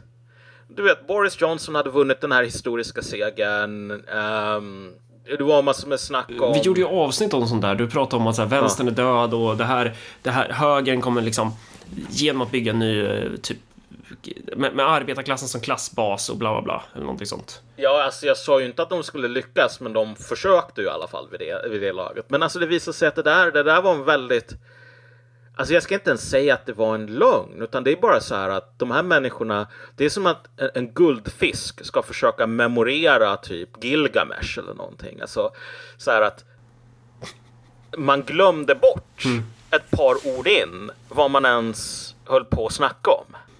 Det, det är ju för sig lite förståeligt att man ska memorera Gilgamesh. Ja, ja i, i och för sig, fast i orala kulturer då är det ändå så här att såna här grejer som Gilgamesh och uh, Odysseen och liknande. Jag spelar faktiskt Gilgamesh precis när vi skulle podda nu. Just det, okej. Okay. I, i ja. Civ då. Ja, men ja, fortsätt. Ja, men innan, innan människor hade skrivspråk, då höll man fan på. Skalder, barder, de höll på att memorisera sådana där grejer för att få betalt. Uh, men du vet, man glömde bara bort så här, vad man höll på med och så återvände man till, till gamla hjulspår. Men det visade sig att typ så här, Liz Truss, alla de här människorna, alltså de är ju någon sån här liksom eh, inmates på apornas planet ungefär. Uh, att, vet du vad, vi kom hit med ett rymdskepp, men nu är vi liksom bara apor igen. Vi, vi vet inte hur den här teknologin funkar längre, för liksom maskinen är för komplex. Uh, så att Liz Truss bara sprängde um, det var inte så att hon orsakade alla problem i den brittiska ekonomin. Men hon var så okunnig så hon inte fattade att så här, om du har den här enorma belåningen, om räntorna går upp, då faller korthuset. Som bara, äh, men vet du vad, vi bara sänker skatterna, vad, vad är det värsta som kan hända? Uh, och så faller hennes regering och nu ser det ut som att så här, Torypartiet kommer att göra det värsta valet någonsin i princip. Men har hon avgått nu? Ja, hon har avgått. Ja. Och det, alltså det kan bli att det är Boris Johnson som kommer tillbaks igen. Vilket verkligen är, alltså det är helt makalöst. Han blir bortkuppad av parlamentsgruppen i sitt eget parti. Ja. Och sen bara, åh oh, sorry, vi kuppade bort dig. Men uh, nu kom vi på att den här jävla generalen som vi satte in är så inkompetent. Så nu måste du komma tillbaks. För att du är det, det mindre dåligt alternativ. Det, det, är verkligen så här, det är en sån jävla cirkus. Men grejen är bara att när du har människor som inte längre fattar hur maskinen funkar. Mm. Alltså det är inte en, du, vi talar inte om så här, ja ah, vet du vad, det här, det här lunkar på i en hundra år och sen blir det lite knas. Utan vi talar om så här. Uh, det kan lunka på ett par månader eller i 45 dagar som i Liz Truss fall. Och sen så får du någon jävla katastrof. Först så faller regeringen. Men du vet, alltså Labour, om de kommer in nu, de har ingen bättre koll. Jag menar, det de lovar, det är typ, ja, vi ska göra det enklare för folk uh, uh, och byta kön liksom prio nummer ett just nu när liksom ekonomin kollapsar. Uh, och du vet, de kommer att få samma släng av sleven. Alltså, när maskinen bryter ihop så blir det de här enorma politiska svallvågorna som, som slår mot, mot den politiska klassen. Och liksom i våra demokratiska system så kan du nog ha ett par rundor av um, du vet, ja, vi kastar ut den här gruppen och så sätter vi in ett nytt parti. Men vi kommer inte att tala om så här, ja, vi ger er fyra år att styra och bara, oh, shit, jag har inte haft mat på fyra år. Okej, nu ger jag den här andra gruppen. Utan det är liksom mer att uh, det är mer brittiska scener att så här, regeringen kollapsar. Mm. Liksom, och folk blir skitarga. Uh, och så man någon ny, om inte de lyckas lösa det så kollapsar den. Och du vet, vi har inte ens, den här jävla vintern har inte ens börjat. Nej. Nej, får... Folk håller på och fäller regeringar på grund av, du vet, spekulationspriser och liknande. Där folk bara, ja, jag prissätter gas för jag tror att det kommer att kosta så här mycket nästa vinter. Liksom. Mm. Men när folk börjar tala om så här, ja, det kommer att bli elavbrott, rullande elavbrott när det är som kallast. Mm. Och du kommer inte ens att kunna ringa polisen liksom för att mobilnätet kommer att gå sönder. Uh, återigen, om du är en politiker, du har alltid möjligheten att säga vet du vad, sorry, I fucked up liksom. Kanske borde ni bygga en giljotin och bara hugga huvudet av mig, för det var jag förtjänar. En kromad giljotin? Ja. Men du vet, de flesta politiker eh, av olika skäl, vissa av dem, du vet, den biologiska självbevarelsedriften som är inbyggd i varje människa, kommer bara säga, nej, vet du vad? Det var någon annans fel. Eller det här är inte ett problem alls egentligen, utan det är, um, det här är en möjlighet. Vi håller inte på att avliva äldre. Vi ger dem vad de vill. Alltså, de, you think you do, but you don't. Du tror att du vill leva Melker 62. Men tänk vad mycket pengar du skulle kosta oss. Pengar vi inte har. Mm. Var lite solidarisk. Dela med dig. Ja, exakt. Nej, men du vet, det kommer på allvar att vara, alltså man har ju redan börjat nu att säga så här, um, alltså våra politiker i Europa, framförallt nere på kontinenten, börjar ju redan nu säga så här att shit, okej, okay, du är en ensamstående mamma och du är jättearg på att du inte har råd med mat. Det här är för att du är en jävla whiner. Mm. Ja, och sen så har du apologeterna inom exempelvis SVT och andra lydiga medier som bara så här copa, hela tiden copa. Nej, nej, men du behöver inte duscha, du behöver inte duscha varje dag. Du kan ju duscha var sjunde dag och så eh, du, du behöver inte dammsuga, du, du, du kan ju eh, slicka upp smutsen. Eh, på, på 1200-talet så, så gjorde man så här faktiskt. Alltså den här typen av reportage och inte typ så här, nu ska vi ställa politikerna mot väggen och fråga eh, om de vet innebörden av memento mori. Eh, det gör man ju inte. Ja. Nej, verkligen inte. Men, men alltså, men det, det är chockerande faktiskt här. När man ser på um, utvecklingen och jag har ju följt högern ganska nära, framförallt internationellt. Alla de här människorna som bara 2018, 19, 20 bara vi ska bli populister så. Eh, vinna arbetarklassen och så vidare. En del av dem har betalat mig eh, en dollar eller två sådär för att eh, erbjuda någon form av konsulttjänst, liksom hjälp så. Men det intressanta här är bara så här att ta hela den här jävla um, katastrofen som Ukraina har blivit. Mm. Inte bara för ukrainarna, vilket det självklart är, uh, men för oss också. Um, folk som i början bara säger så här, det här kommer att bli så jävla nice för oss. När det visar sig att de hade helt fel uh, om hur jävla nice det blev. Alltså då är det bara, ja ah, men vet du vad, lagren av gas är fulla till 96 procent. Det kommer inte bli något problem alls. Mm. Vi har fulla gaslager. Du vet om, om det kommer, uh, uh, ja liksom så här, slutet på december, mitten på januari och bara oh shit, nu finns det ingen gas alls liksom. Nu, nu håller massor med pensionärer på att frysa ihjäl. Uh, och du har massor med kravaller, det går inte ens att ringa polisen om du blir rånad för att det är så här rullande elavbrott så att liksom mobiltelefonen funkar inte.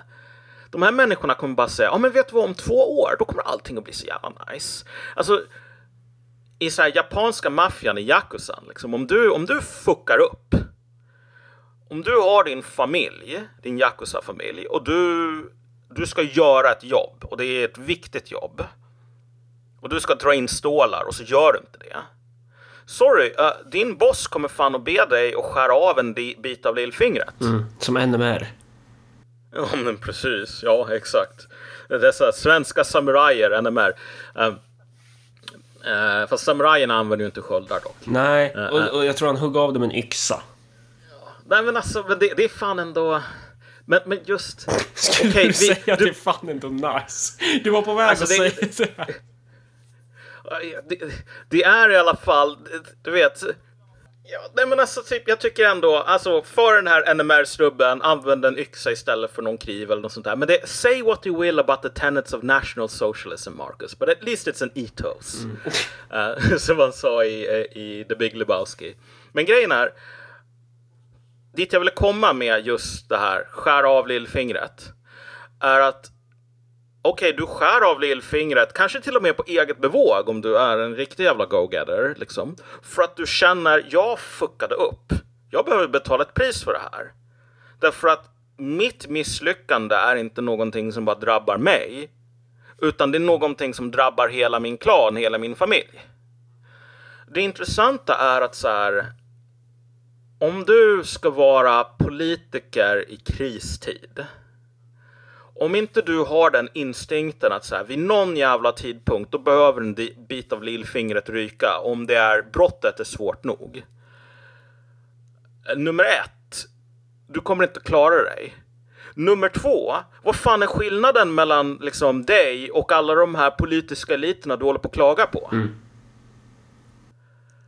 Och alltså, liksom, i, i, inte utan att vara alltför hård här, men när jag ser på uh, den här jävla, alltså de tänker det, hela högen i, i Sverige, de bara saliverar över chansen att ersätta sossarna nu.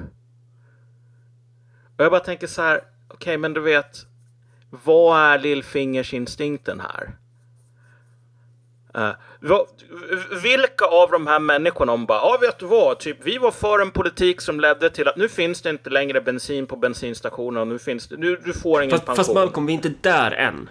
Alltså det är det, det, är det som, eh, alltså vi måste ju komma ihåg att det vi pratar om nu är ju utifrån ett scenario där saker går sönder. Ja, Ja. ja. Mm. jo precis. Men alltså, Jo, jo, men vi kan ju inte kräva av så här.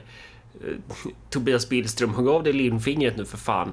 Alltså han, han måste ju få, han måste ju, måste ju få någon vecka på sig först att bevisa, bevisa att ja, ja, nej, ja precis, visst, okej. Så jag menar inte så här att eh, politik som fattades av Tobias Billström när han satt i regering har producerat felaktiga resultat. Men han har inte huggit av sig lillfingret. Han har inte begått självmord som en japansk så här, VD för något storföretag liksom, för att be om ursäkt. Men alltså om man tror att han kommer att göra det. Men då har jag fan en bro i mitten av Sahara att sälja liksom. Därför att så här, återigen, det som har varit så utmärkande för den här politikerklassen, det är ju det här abstrakta tänkandet. Det är bara att det här är ett jävla jobb för mig som jag gör på grund av att du vet, man behöver inte så himla fina kvalifikationer och det är så här att man kan få typ pension i resten av livet för liksom att jobbat i, i fyra år och det är fan nice. Och sen du vet om det är så att pensionärer svälter ihjäl på grund av saker man gjort eller underlåtit att göra. Who cares? Eh, En vän berättade någon sån här rolig anekdot från företagsvärlden då som liksom illustrerar lite grann skillnaden på den här gamla kapitalistadeln och typ nya eh, eh, managers liksom. Det var så här att du hade den här stora ekonomiska krisen på, på 90-talet som drabbade Sverige. Och så har du familjen Axelsson Jonsson som äger massor med företag och så vidare. Och någon därifrån i den, i liksom, den familjen var på någon sån här konferens eller vad det nu var. Eh, talade med, med någon amerikansk företagare. Och så sa hon så här, du vet, alltså jag, nej, under, under den här krisen, alltså jag, jag hade svårt att sova för jag tänkte att i- liksom, i det här företaget, det är, det är tusentals anställda. Du vet, om, om det här företaget går i konkurs, liksom, det, det är inte bara de här människorna utan det är deras familj, det är deras barn. De kommer inte kunna bo kvar där de bor. Det var jättesvårt för mig, liksom, ma- massor med press. Och så bara liksom, hur, hur, hur, hur tänkte du? Och, och den här snubben han bara, "Öh, alltså jag tänker inte på sånt. Nej, precis. Och liksom just den bara, alltså nej, jag måste säga jag har fan aldrig tänkt den tanken alltså. Den grejen. Men det, Det är men det är ju det där som, det är ju det där också som gör att det är de som lyckas. Alltså människor som har samvete, känslor, förmåga att känna kärlek, skuld, skam, eh, känna ansvar blir ju per definition hårdare ansatta för att de lägger ju större tyngd på sig själva jämfört med de här som sitter där och tuggar med öppen mun och luktar på sina egna fisar och inte bryr sig om vad konsekvenserna av, av deras eländiga existens. Eh. Alltså de, de klarar sig skitbra under någon sorts så här mellanperiod liksom i, i, i- någon sån här civilisation sinuskurva. Om du har någon sån här, um, jag vet inte, Ludvig den 14 Solkungen och du är världens jävla lallare liksom, gräddtårteadel. Jag menar alltså, kungen är ändå en jävligt kompetent person med massor med jävla projekt. Om du, om du är en fuck up, då säger han stick liksom. Jag har inte tid för losers. Sen, du vet, hans barnbarn och barnbarnsbarn liksom är inte alls lika bra. nej. Och då får du den här enorma stagnationen som, som ingen löser, som till slut producerar franska revolutionen. Och jag menar så här, om du bara säger ah, jag tänkte inte på det där, jag löste inte det till liksom Robespierre eller någonting sådant. Alltså sorry, men du är bara död. Alltså, han, du dödas. Eh, det är inte en bra period. Om du producerar en revolution, om du är gräddtårtelallare, sorry, ditt huvud kommer att ryka. Och jag menar inte det metaforiskt, utan det är bara så här att folk har inte tid med sån shit. De, de dödar människor som är för inkompetenta. Och jag menar, vill man undvika det, då ska man inte hamna i den här absoluta krisen. Men problemet är att om du är en jävla gräddtårtelallare, alltså du bryr dig ju inte om att undvika den tills det är lite för sent. nej. Och så här, re, rent krast. om vi bara tar um, om vi bara tar den här energifrågan. Du är med på att det här skulle handla om dödshjälp va? Ja, ja, ja, men alltså. Ja, men... ja. Men, men grejen är att typ energifrågan spelar in i det här ja, för att ja. energi är det som får ett samhälle. Det är liksom grundbulten för att du ska ha en ekonomi. Det är just problemet med att leverera energi till samhället som gör att faster Agda kommer att bli ombedd att Ta livet av sig. Eh, du vet, ja. ja. bli Soylent Green så att man kan mata dem som förtjänar att leva. Mm. Och jag menar så här, det här är ju ett problem som har skapats av båda sidor. Um, liksom så här, alltså, vi kan lämna kärnkraftens problem åt sidan. Men så här, du smäller inte upp ett kärnkraftverk på en vecka när du bara, ah, jag kom på att det behövde lite extra el. Så här, vi hade åtta år av regeringen Reinfeldt. Och då säger folk så här, ja ah, men vet du vad, uh, Miljöpartiet klagade för mycket, ja men det är väl fan ditt jävla jobb. Och se till så att, ja men, du vet, de röstade på Moderaterna, inte på Miljöpartiet kan, ju, kan man väl tänka sig. Så att dit jag ville komma här i slutändan bara att den här logiken som kan omdefiniera förräderi, en dolkstöt i ryggen. Mm. Så här, sorry, kanadensiska pensionärer har inte råd att leva längre. Mm. Wow, okej, okay, uh, eh, dödshjälp, det är det nya säkerhetsnätet för folk som där pensionen inte räcker till längre med den operationen så erkänner man aldrig något ansvar. Nej. Det är sättet att komma ur och säga så här, ja vet du vad, sorry, I fucked up. Uh, jag lovade att ta hand om uh, um, liksom, dina skattepengar som du betalade in under hela livet, men jag brände dem på typ kokain och horor. Och, och det är den där logiken som, som vi är oroliga för skulle kunna appliceras inom dödshjälpsområdet om, också. Men, också, ja, men, men, som också men, som också redan finns avseende till exempel eh, pensioner, ja, äldreomsorg, sjukvård, trygghet. Alltså, det är ju ett jävla förräderi mot barn. Eh, bara så här... Nej, men... Eh, vi kör våran härliga svenska roulette här och den skiljer sig från den ryska i och med att vi kör ingen revolver med, någon, med en kula i utan vi kör så här ja men alla era barn får gå ut och leka. Och sen en vacker dag så är det någon som stöter på den här liran från det här landet som egentligen inte ska vara här, men som vi av godhet tagit hit. Och sen så blir ditt barn våldtaget och förnedringspissat i munnen. Men det är bara, det är en del av spelet. Det är roligt med svensk roulette, typ. Även det där skulle jag nog klassificera som någon form av förräderi. Ja, nej men precis. Alltså, och den, den, den intressanta saken här är ju att så här, hela det här förnedringsrån och liknande, alltså du, du, har ju en dynamik där det är ingen som vill ta ansvar för i slutändan. Det är så här, okej, eh, okay, uh, vi kom på att så här, massinvandringsmodellen inte var den här genialiska lösningen som löser allting men det är ingen som sa okej, okay, det var jag som kom, det var jag som faktiskt fattade det här beslutet. Det var typ mitt parti här. Vi valde detta, men, bestraffa oss. Men det, men det är ju också intressant för du kan ju inte utkräva, alltså i en diktatur eller en tydlig organisationskultur så kan du ju direkt säga så här, du är högst ansvarig, ditt huvud ryker först. Eh, ja. Men i en kultur som präglas av det här svävande makten, alltså makten roterar, den liksom gungar fram och tillbaka. Ena stunden är den hos tjänstemännen, sen gungar den bort mot Annika Strandhäll och sen vidare bort till det här departementet. Alltså så här, det är olika personer involverade så att det gör väl också att det är svårare då att utkräva den där hämnden. Ja, ett problem också här och det här tror jag och, och hämnden blir verkningslös framförallt kanske. Ja, mm men, men, men problemet är så här att hämnden blir verkningslös inom ramarna för eh, det, det legitima politiska systemet som i sin tur kollapsar under trycket förr eller senare. Men grejen är så här att jag tänker så här, förnedringsrån, om vi tar det som exempel.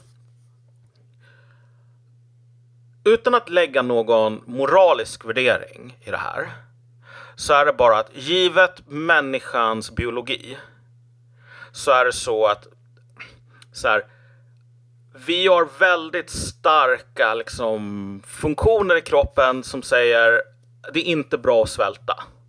Liksom. Så att om du får brist på mat eller bara undernäring liksom. Så vi är typ byggda att tycka att det är viktigare utan att liksom ens göra ett filosofiskt resonemang. Det här bara går automatiskt.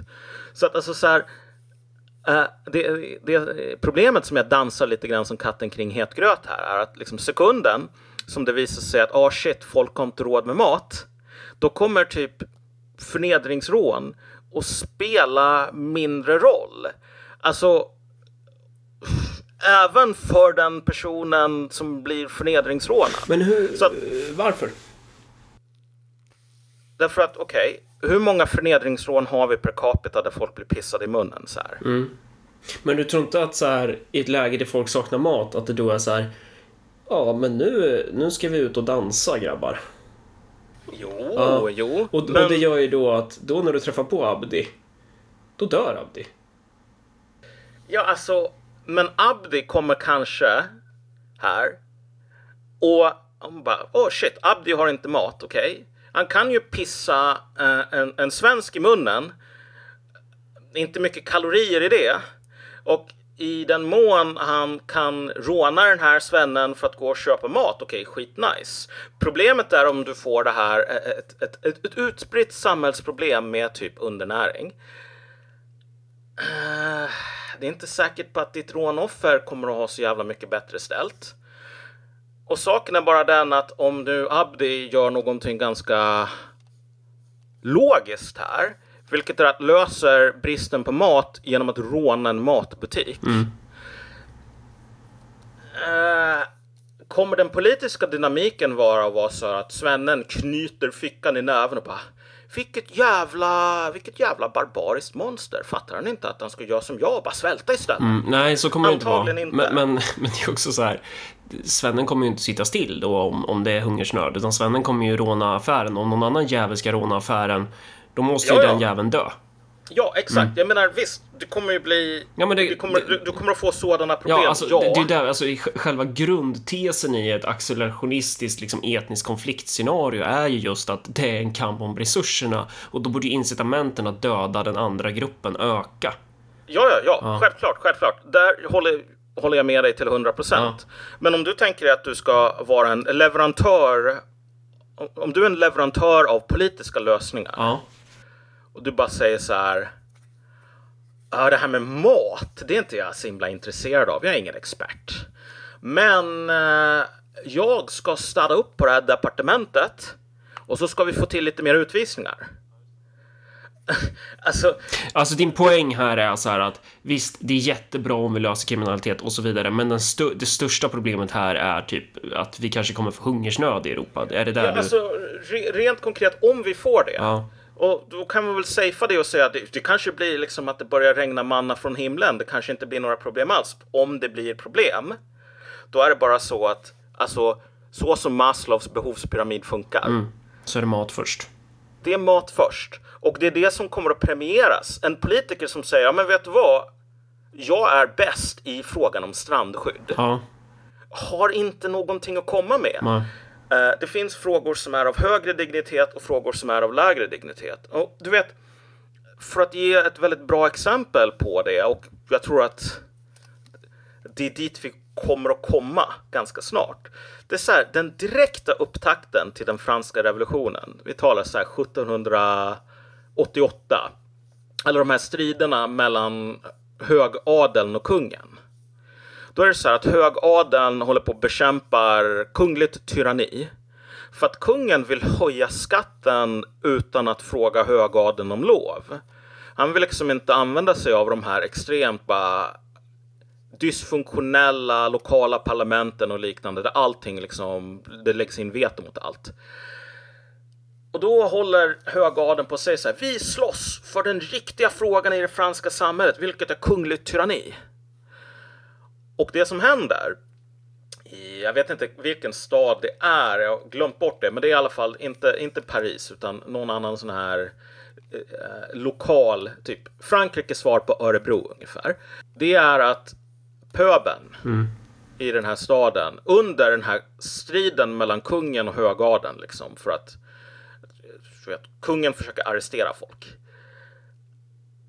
Uh, pöben typ gör ett jävla stort upplopp, börjar bränna ner grejer och de bara säger vi gör det här i stöd för liksom kampen mot tyranni. Men det visar sig att anledningen till att de är så jävla arga har ingenting alls med skattefrågan att göra överhuvudtaget. Uh, utan vad de är arga för de har inte nog med mat.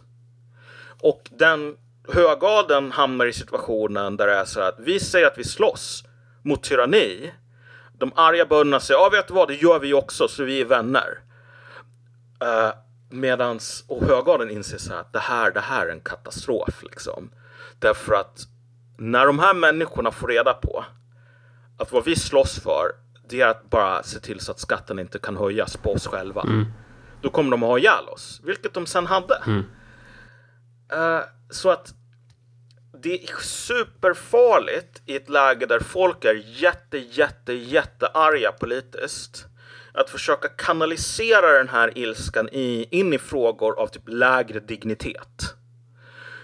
Uh, och jag menar, sorry liksom. Men, men om man tror att så här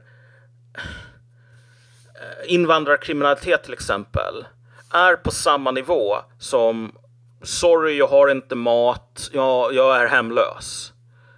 Alltså då begår man precis samma äh, misstag som den franska adeln gjorde till sitt eget fördärv. Jo, men det, det, det, finns ju två, alltså Ja, utifrån en moralisk ståndpunkt så blir det ju så.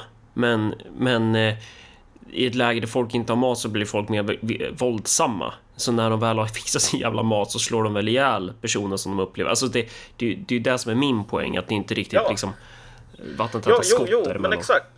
Men alltså så här, folk är mer benägna i ett sådant läge och bara säga så här, vet du vad Abdi, om du ger mig en molotov då är vi polare. Än att säga så här, nej vet du vad, jag hatar Abdi mer än vad jag hatar att inte ha mat. Alltså så här, den sortens konflikter av bara rent biologiska skäl liksom. Uh, den sortens konflikter, alltså du kan inte ducka dem. Som politiker, du kan aldrig hamna i ett läge där det bara, ja vet du vad, jag har ingen lösning på matfrågan, men jag har en lösning på andra frågor. Mm. Belöna mig. Mm. Det går inte. Men hur, alltså, ja. Um, ja, just det. Alltså, mm. du vet, du kan, du, om, du ska, om det ska gå bra för dig i, i, i, vet, i, i det bästa av alla världar, då har du en lösning på alla problem. Inklusive problem med folk som blir kissade i munnen och liknande. Men grejen är att så här, det är ett genomgående mönster att varje samhälle är ett par mål mat om dagen ifrån eh, total anarki. Mm. Men är vi inte inne på ett helt annat tema nu, Malcolm? Eller liksom hur relaterar... Eh, hur relaterar det här till där vi börjar, typ? Eller hur, hur tänker du att du knyter ihop det? Alltså är det just den här politiska logiken som du är inne på, att så här, de bryr sig inte? Ja, nej men alltså så här, vad är dödshjälp? Jo. aggressiv dödshjälp en lösning på. Ja. Mm. Det är en pensionär som säger jag har inte råd med hyra och mat. Mm. Säger man okej, okay, men dö då. Mm. Det här är den smarta lösningen som gör att vi sparar pengar. Vi behöver inte se till så att pensionärer har råd med hyra och mat. Uh, och jag menar... Ja, det kan bli så ja. Utifrån den här logiken. Ja, ja. exakt. Men det, men det måste inte bli så om man har som vi var inne på tidigare, att så här, dödshjälp per se, eller liksom så här, dödshjälp, äldreomsorg och grejer kan ju fungera under specifika förutsättningar, förutsatt att du har rätt typ av pol politisk eh, konstellation av staten och du inte har liksom en förrädarlogik i, i, hos de styrande. Ja, ja, mm, ja, ja, mm. men självklart. Jag menar så här. Jag tänker på den här snubben i, i Sovjetunionen, någon sån här liksom militär eh, snubbe som bara. Jag hade problem med blindtarmen. Så Stalin säger ah, du måste gå in på operation omedelbart. Revolutionen behöver dig kamrat. Alltså, jag kommer inte att acceptera att du inte opererar blindtarmen på en gång. Han bara okej okay då, jag gör väl det. Så bara dör han så här helt mysteriskt av så här narkosförgiftning. De har gett honom så här tio gånger starkare dos bedövning än vad man normalt sett gör. Hoppsan hejsan. Ja, nej men alltså, nej men det här var bara ett jävla mystiskt sammanträffande att så här, uh, du måste ha den här uh, operationen för något totalt ofarligt egentligen liksom. Och så bara oj, vi gav dig för mycket bedövning. Jag menar, att sådant sker är ju inte ett problem med så här, vi måste sluta med bedövning så. Utan det är ju bara det, det politiska incitamentet här som är, är, är ett, ett stort äh, äh, äh, lite av en ouchie liksom. Mm. Men, ja. ja. Men det känns väl som vi har ett avsnitt där, eller känner du att du behöver tillägga någonting kring det här? Nej, nej, egentligen inte. Men, men bara så här, liksom, för, för, att summera lite grann att dödshjälp är ju egentligen inte frågan här. Alltså dödshjälp, det är som narkos, det är som någonting annat liksom, som kan säkert vara bra i vissa omständigheter, farligt i andra. Ja, det, du har fan Men, rätt. Det är ju något annat vi pratar om egentligen. Ja, ja. Utan det, det, vi pratar om här är hur politiker kommer att hantera sitt eget förräderi inför folket. Um, och jag menar, om du är en förrädare, om du har stulit pengar eller om du har genom din egen inkompetens uh, förskingrat dem, uh, misslyckats liksom eh, inför, inför din egen nation jag menar i Yakusan då skär man av, då skär man av lillfingret för att visa att man, man ber om ursäkt. Vi kommer att skylla, skyffla över, vi kommer att be faster Agda att skära av lillfingret. Eller mer än så kanske. För att det, det är hennes problem för att hon är så jävla självisk som vill ha mat. Mm. Um, ja, den där, exakt den där diskursen, det där, det där ser man ju redan. Och, det där kommer ju, och så kommer det troligtvis kombineras med de här hjältarna för klimatet. Alltså, troligtvis så kommer, kommer det ju kombineras med någon form av så klimatdiskurs också. Eller typ så här pa patriarkatet, typ. Att så här, ja, du, du är så jävla bortskämd och dessutom är du en börda för, för planeten. Uh, det, är, det är heroiskt att, ja, men det här, ja, men... nu, har vi, nu sitter vi verkligen och pratar utifrån en så väldigt typiskt mörkt Marcus och Malcolm Black Mirror scenario. Men, men det, det, det gör ju inte att själva poängen med den här politiska logiken blir fel. Ja, men sen är det också så att alltså, här i Sverige just nu känns det, det allting känns jävligt overkligt liksom. Eller det, det liksom okej, okay, elräkningar håller på att driva företag i konkurs, men om du inte är en bagare själv liksom så är det inte riktigt apokalypsstämning. Um, men så här. Alltså det som krävs för att det ska bli riktigt jävla knas. Det är inte någonting som väntar på att hända. Det är någonting som redan har hänt. Det är så här okej, okay, du, har fått, du har fått en obotlig cancer. Det är ju inte som om du kommer att dö sekunden som du får diagnosen. Och sen går du ut från, från äh, läkarrummet och du vet fåglarna kvittrar och så vidare. Och du bara, alltså det här kanske inte är på riktigt egentligen. Eh, men sorry, det är det. Men fr och, frågan är ju om inte, förlåt jag kanske tar din poäng nu. Ja, nej, men jag, jag tänker bara så här att när folk, du vet, vi håller på i Sverige och pratar om så här rullande elavbrott. Under, under vinterns kallaste timmar sådär. Um, och vi talar redan nu, vi har liksom bakat in i kakan att så här, vi ska avindustrialisera stor, att liksom typ hela processindustrin i Tyskland ska försvinna och sånt där. Mm. Alltså, återigen, det kommer att ta ett tag innan den här diagnosen känns på allvar. Men när du väl känner att oh, wow, jag kan inte svälja längre på grund av den här strupcancern. Alltså då, då kommer den att bli på riktigt. Liksom så. Mm. Uh, ja. Och det är inte en lång tid kvar nu. Nej, vi får väl se. Um, jag vet inte. Jag vet att saker går sämre. Jag vet inte exakt hur, hur illa allt kommer bli. Men en sak som jag tänker gällande just just dödshjälp om man ska återgå eller, eller med den politiska logik. Jag tänker att det första steget lär väl vara att ge sig på den palliativa vården. Att, att vilja ändra den då. Ehm, att liksom ja. skära ner på antalet miljoner du lägger där. Eh, och sen, Ja, sen sakta men säkert trippa vidare där. Alltså det kommer väl att bli så här att du får, du kan dö eller så kan du betala de här sakerna ur egen ficka.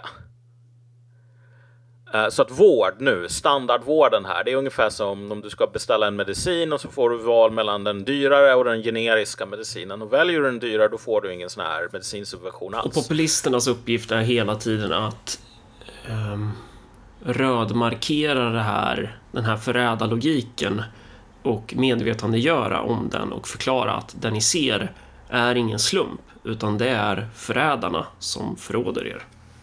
Framförallt ja, men också så här att planera inför en framtid. Där vi liksom flippar. Som den här modellen som jag använde tidigare, du vet. När du har den här starka kungen. Resultat belönas, misslyckanden bestraffas. Eh, sen så har du stagnationen. Och allting bara handlar om att stoppa pengar i egen ficka och inte bli beskylld för någonting. Sen så får du sammanbrottet och efter det, då är det så här. Du får en chans. Fuckar upp, då dör du. Uh, liksom så här extremt jävla hårdhänt eh, ansvarsutkrävande. Alltså, i, ett sådant, i en sådan miljö, om man vill hålla på med politik, då är det så här att det är inte någon annan, det är inte din farsa, det är inte Gud, det är inte Lenin, utan det är du som kommer att behöva vara den som bara, okej, mat, hur fixar vi det? Uh, hur löser vi det här, det här och det här problemet? Och det är inte nödvändigtvis så att det svenska folket kommer på att börja med att säga så här, eh, liksom år 2025 eller någonting. Ja, vet du vad, du får en chans, herr populist. Annars så hänger vi dig. Men ju mer dysfunktion du får i ett samhälle, desto närmare kommer du den sortens allt eller inget logik. Um, och återigen, Uh, ju, längre, ju längre tid det tar, desto mer kommer man att selektera för människor som är extremt brutala men som producerar resultat. Så att alltså, har man... Vi, vi lägger frågan om brutalitet åt sidan om man borde vara det eller inte. Då kan man väl säga att man borde inte vara det. Men om man inte kan producera resultat i, i de här frågorna. Inget jävla jidder, inget hålla på att byta ämne. Men du vet, jag är så bra på den här saken istället för den saken som du faktiskt behöver just nu. Uh, liksom, undanflykterna kommer inte att räcka till längre. Utan då är det verkligen sluta jiddra och börja trolla. Och redan nu så får man fundera på hur fan trollar man i ett sådant läge. Ja, och med de orden så, så har vi ett avsnitt va? Ja. Ehm, ja, ja, det, ja det, man kan... Upplyftande som vanligt. Ja, ja men verkligen. Eh, Och vill man bli en Patreon utan anledning till att bli en Patreon så kan man bli det genom att gå in på patreon.com och trycka på skriva in Marcus och Malcolm där. Ehm, ja, nu skiter vi i det här. Hej! ja.